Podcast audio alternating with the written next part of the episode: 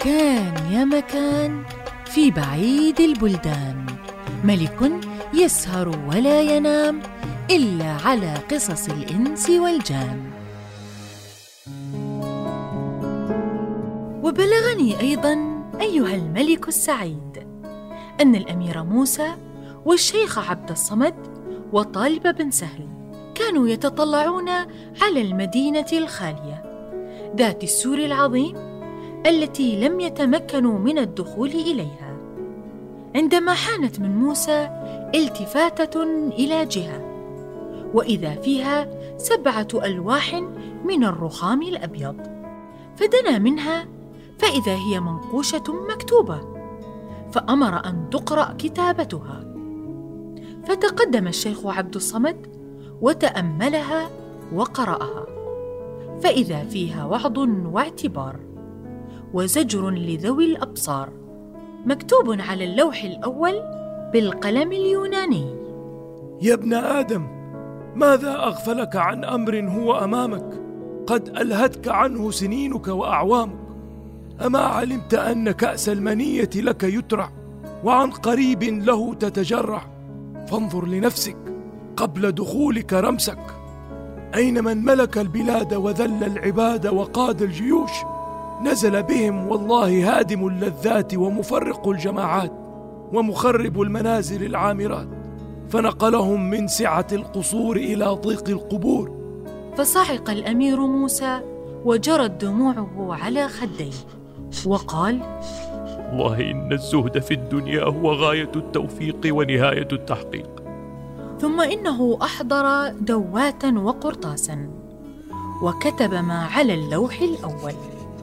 ونزل من فوق الجبل وقد صور الدنيا بين عينيه. فلما وصل إلى العسكر أقاموا يومهم يدبرون الحيلة في دخول المدينة. فقال الأمير موسى لوزيره طالب بن سهل ولمن حوله من خواصه. كيف تكون الحيلة في دخول المدينة لننظر عجائبها؟ لعلنا نجد فيها ما نتقرب به إلى أمير المؤمنين. فقال طالب بن سهل أدام الله نعمة الأمير نعمل سلما ونصعد عليه. لعلنا نصل إلى الباب من الداخل. هذا ما خطر ببالي وهو نعم الرأي. ثم إنه عاد بالنجارين والحدادين وأمرهم أن يسووا الأخشاب ويعملوا سلما مصفحا بصفائح الحديد. ففعلوه وأحكموه وقعدوا في عمله شهرا كاملا. واجتمعت عليه الرجال فأقاموه وألصقوه بالسوق فجاء مساويا له كأنه قد عمل له قبل ذلك اليوم. فتعجب الأمير موسى منه وقال بارك الله فيكم. كأنكم قستموه عليه من حسن صنعتكم.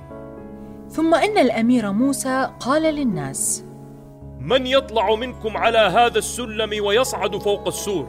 ويمشي عليه ويتحايل في نزوله إلى أسفل المدينة لينظر كيف الأمر. ثم يخبرنا بكيفية فتح الباب. فقال أحدهم أنا أصعد عليه أيها الأمير وأنزل أفتحه. اصعد بارك الله فيك. فصعد الرجل على السلم حتى صار في أعلاه. ثم إنه قام على قدميه وشخص إلى المدينة وصفق بكفيه. وصاح بأعلى صوته وقال أنت مليح! ورمى بنفسه من داخل المدينة فانهرس لحمه على عظمه. فقال الأمير موسى هذا فعل العاقل! فكيف يكون فعل المجنون إن كنا نفعل هذا بجميع أصحابنا؟ لم يبق منهم أحد فنعجز عن قضاء حاجتنا وحاجة أمير المؤمنين. ارحلوا ارحلوا فلا حاجة لنا بهذه المدينة. فقال بعضهم لعل غير هذا أثبت منه. فصعد ثان وثالث ورابع وخامس.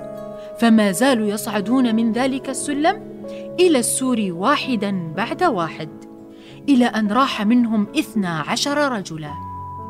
وهم يفعلون كما فعل الأول. فقال الشيخ عبد الصمد ما لهذا الأمر غيري وليس المجرب كغير المجرب. لا تفعل ذلك ولا أمكنك من الطلوع إلى هذا السور لأنك إذا مت كنت سببا لموتنا كلنا ولا يبقى منا أحد لأنك أنت دليل القوم. لعل ذلك يكون على يدي بمشيئة الله تعالى. فاتفق القوم كلهم على صعوده ثم إن الشيخ عبد الصمد قام ونشط نفسه وقال آه بسم الله الرحمن الرحيم. ثم إنه صعد على السلم وهو يذكر الله تعالى ويقرأ آيات النجاة إلى أن بلغ أعلى السور. ثم إنه صفق بيديه وشخص ببصره فصاح عليه القوم جميعا وقالوا أيها الشيخ عبد الصمد لا تفعل. ولا تلق نفسك. وقالوا إنا لله وإنا إليه راجعون. إن وقع الشيخ عبد الصمد هلكنا بأجمعنا. ثم أن الشيخ عبد الصمد ضحك ضحكا زائدا وجلس ساعة طويلة يذكر الله تعالى ويتلو آيات النجاة. ثم أنه قام على حيله ونادى بأحلى صوته. ايها الأمير لا بأس عليكم. فقد صرف الله عز وجل عني كيد الشيطان ومكره ببركة بسم الله الرحمن الرحيم. ما رأيت أيها الشيخ؟ لما وصلت أعلى السور رأيت عشر نساء كأنهن الأقمار وهن يشرن بأيديهن أن تعال إلينا. وتخيل لي أن تحتي بحرا من الماء. فأردت أن ألقي نفسي كما فعل أصحابنا. فرأيتهم موتى فتماسكت عنهم وتلوت شيئا من كتاب الله تعالى. فصرف الله عني كيدهن وانصرفن عني. فلم أرم نفسي ورد الله عني كيدهن وسحرهن. ولا شك أن هذا سحر ومكيدة. صنعها أهل تلك المدينة ليردوا عنها كل من أراد أن يشرف عليها. ويروم الوصول إليها. وهؤلاء أصحابنا مطروحون موتى. ثم إنه مشى على السور إلى أن وصل إلى البرجين النحاس فرأى لهما بابين من الذهب ولا قفل عليهما وليس فيهما علامة للفتح. ثم وقف الشيخ أمام الباب وتأمل فرأى في وسط الباب صورة فارس من نحاس له كف ممدودة كأنه يشير بها وفيها خط مكتوب. فقرأه الشيخ عبد الصمد. افرك المسمار الذي في سرة الفارس. اثنتي عشرة فركة فإن الباب ينفتح. فتأمل الفارس فإذا في سرته مسمار محكم متقن مكين. ففركه اثنتي عشر فركة. فانفتح الباب في الحال وله صوت كالرعد. فدخل منه الشيخ عبد الصمد وكان رجلا فاضلا عالما بجميع اللغات والأقلام. فمشى إلى أن دخل دهليزا طويلا نزل منه على درجات فوجده بدكك حسنة.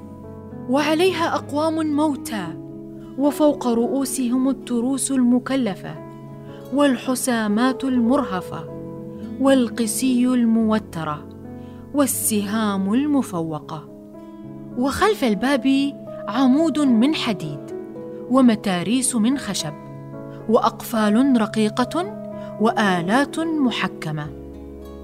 فقال الشيخ عبد الصمد في نفسه لعل المفاتيح عند هؤلاء القوم.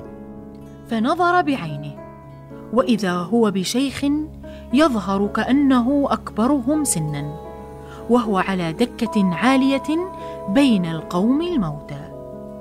فقال الشيخ عبد الصمد وما يدريك أن تكون مفاتيح هذه المدينة مع هذا الشيخ ولعله بواب المدينة وهؤلاء من تحت يده.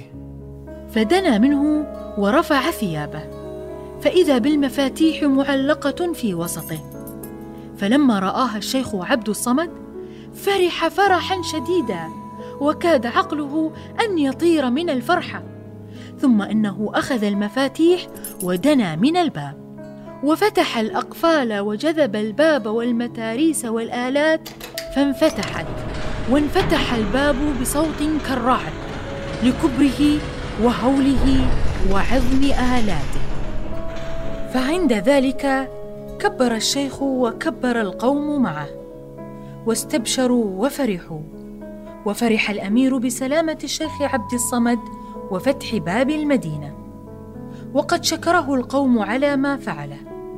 فبادر العسكر كلهم بالدخول من باب فصاح عليهم الأمير موسى وقال لهم يا قوم لا نأمن إذا دخلنا كلنا من أمر يحدث ولكن يدخل النصف ويتأخر النصف. ثم أن الأمير موسى دخل من الباب ومعه نصف القوم. وهم حاملون آلات الحرب. فنظر القوم إلى أصحابهم وهم ميتون فدفنوهم. ورأوا البوابين والخدم والحجاب والنواب راقدين فوق الفراش الحرير موتى كلهم.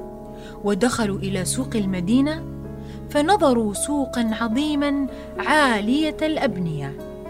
لا يخرج بعضها عن بعض. والدكاكين مفتحة والموازين معلقة والنحاس مصفوف والخانات ملآنة من جميع البضائع. ورأوا التجار موتى على دكاكينهم وقد يبست منهم الجلود ونخرت منهم العظام وصاروا عبرة لمن اعتبر. ووجدوا قريبا منه قصرا مزخرفا متقنا فدخلوه ووجدوا أعلاما منشوره وسيوفا مجرده وقسيا موترا وترسا معلقة بسلاسل من الذهب والفضة وخوذا مطلية بالذهب الأحمر. وفي دهاليز ذلك القصر دكك من العاج المصفح بالذهب الوهاج والإبريسم.